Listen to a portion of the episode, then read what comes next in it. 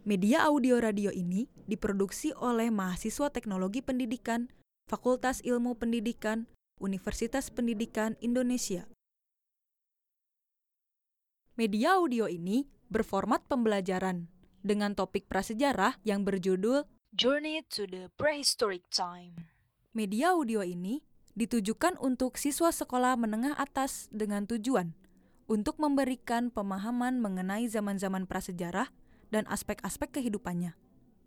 Media ini diproduksi oleh Alma Maritza, Sylvia Andini, Selvina Januarista, dan Salsabila Tahira Yasmin.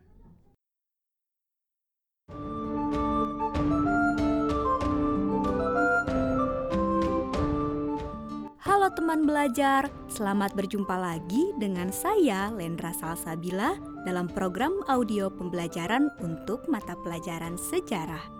Pada kesempatan kali ini, kita akan membahas tentang zaman-zaman prasejarah.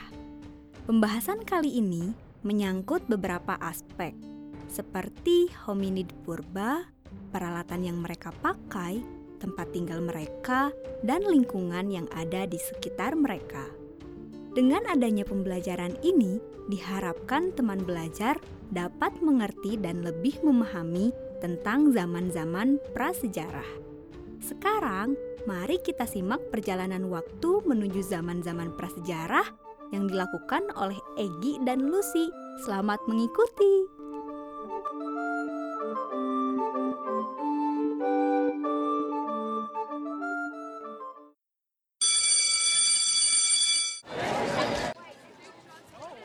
Pada suatu hari, di kantin sekolah yang ramai, duduklah seorang gadis cantik bernama Lucy. Ia sedang menunggu makanannya datang. Lucy dan teman-teman sekolahnya baru saja menyelesaikan pembelajaran sejarah. Tak lama kemudian, datanglah teman sebangkunya, seorang laki-laki tampan bernama Egi. Kenapa, Gi? Masih kepikiran soal sejarah tadi? Iya nih lu, aku masih bingung. Habisnya pelajaran yang dibahas tadi agak rumit dan susah. Wah, aku kira kamu diam karena mengerti. Tapi sepertinya malah kebalikannya ya. Ya begitulah. Eh lu, kamu kan ngerti.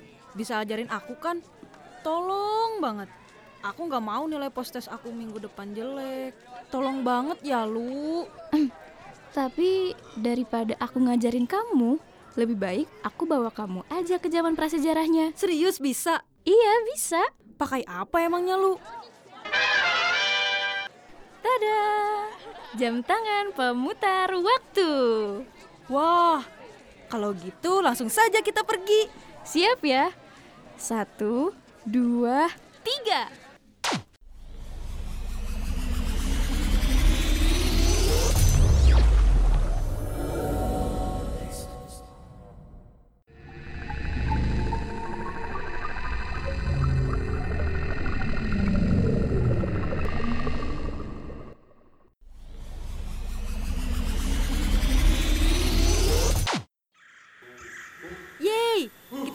Sampai lu.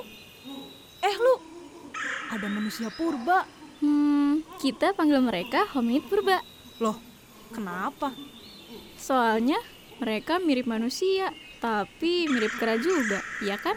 Hmm, iya juga sih.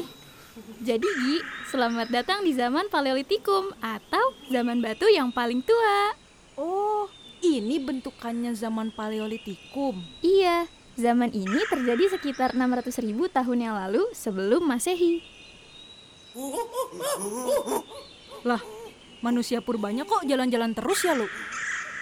Nah, di zaman ini, para hominid purba hidup secara berpindah-pindah alias nomaden. Mereka juga hidup berkelompok. Oh, berarti mereka cari makannya dengan cara berburu ya? Betul, di zaman ini mereka masih mengandalkan makanan dari hasil berburu dan mereka menggunakan batu yang masih kasar. Oh, seperti kapak dan tulang. Iya, kapak genggam digunakan untuk menggali umbi, memotong, dan menguliti binatang. Kapak perimbas untuk merimbas kayu, memahat tulang, dan sebagai senjata. Mereka menggunakan itu untuk memotong hasil buruannya. Sedangkan perkakas tulang digunakan untuk mengorek ubi dari dalam tanah dan sebagai alat untuk menangkap ikan. Hmm, begitu. Mereka sudah menemukan alat untuk mempermudah kehidupannya ya. Selain itu, di zaman ini, para hominid purba juga sudah menemukan api. Nah, keren kan mereka? Wah, teknologi baru di zaman Paleolitikum. Iya loh, ternyata api sudah ditemukan dari zaman Paleolitikum ya. Kalau zaman selanjutnya itu gimana lu? Kalau gitu, kita langsung pindah aja. Oke, siap.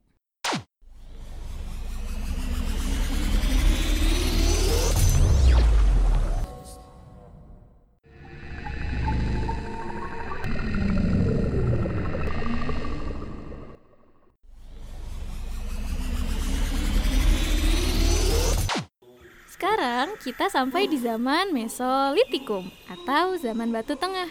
Zaman ini terjadi sekitar 10.000 tahun yang lalu sebelum Masehi. Eh Lucy, lihat. Mereka lagi ngejar gajah berbulu. Itu namanya mamut, Egi. Oh, iya iya iya. Tapi kalau di zaman ini, mereka tinggal di mana ya, Lu?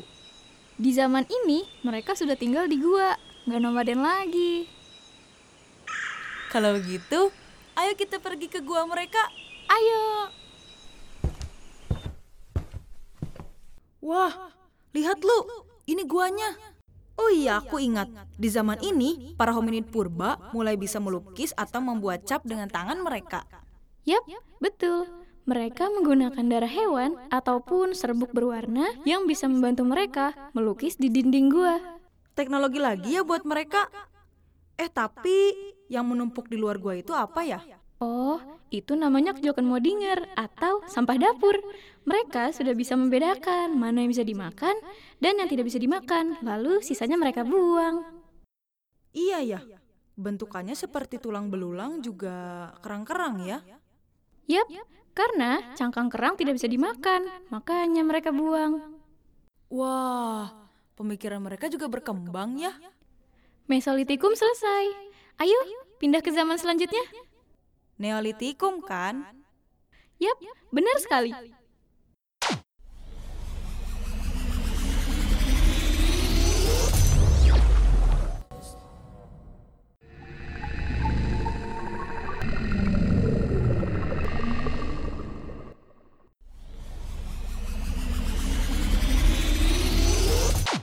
Ini dia zaman Neolitikum, alias zaman batu muda.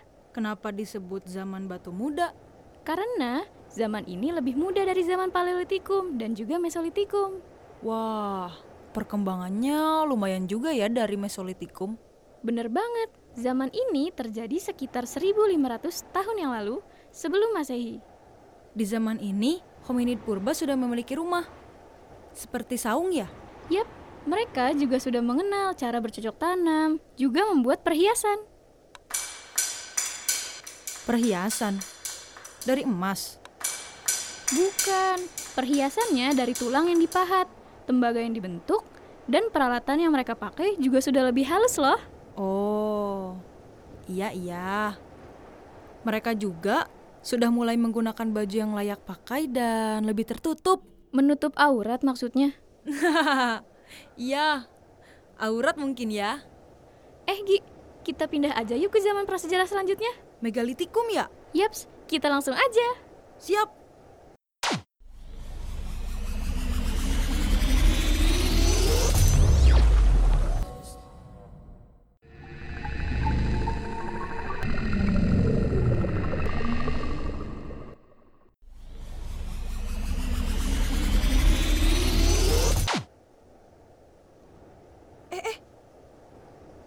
Besar-besar.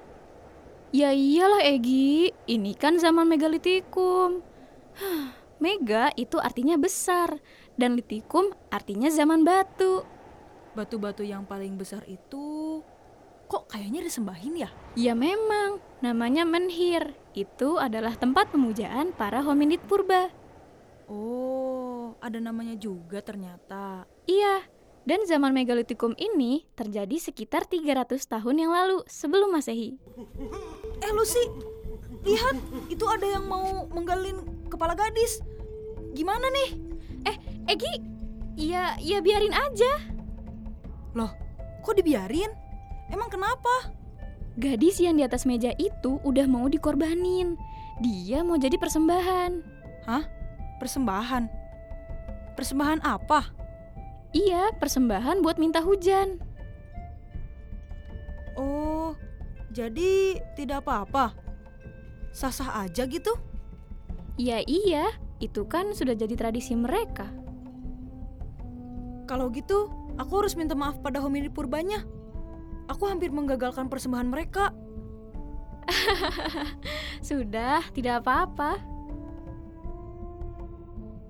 Tapi lu, sesudah ini ada zaman prasejarah apa lagi? Oh iya, Gi. Zaman prasejarahnya sudah selesai. Loh, kenapa? Karena mulai dari satu Masehi sudah masuk zaman sejarah. Sudah dimulai peradaban manusia. Oh, begitu rupanya.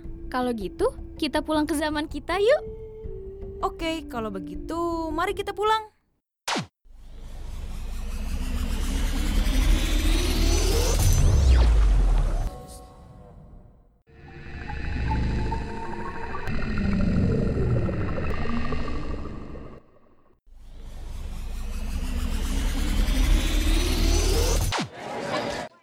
Kenapa mukanya sedih gitu, Gi?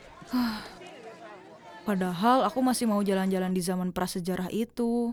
Gak usah sedih gitu, Gi. Kita bisa balik lagi kok ke zaman prasejarahnya. Serius bisa?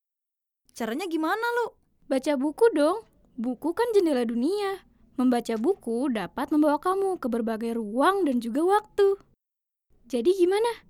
Sekarang sudah paham kan zaman-zaman prasejarah? Sudah dong. Makasih banyak ya Lucy. Kamu ngebantu banget. Siap, sama-sama. Semoga postes minggu depan kita bisa ya. Oke. Semangat. Akhirnya, Egi dan Lucy kembali ke zaman mereka. Mereka telah berhasil masuk ke ruang waktu zaman prasejarah berkat Lucy dan mesin waktunya. Kemudian, Egi dapat memahami zaman-zaman prasejarah dan siap mengikuti postes minggu depan.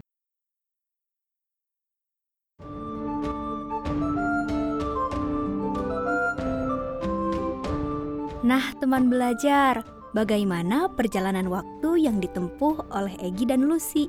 Seru bukan? Dari sana, kita bisa mendapatkan banyak pembelajaran tentang zaman-zaman prasejarah.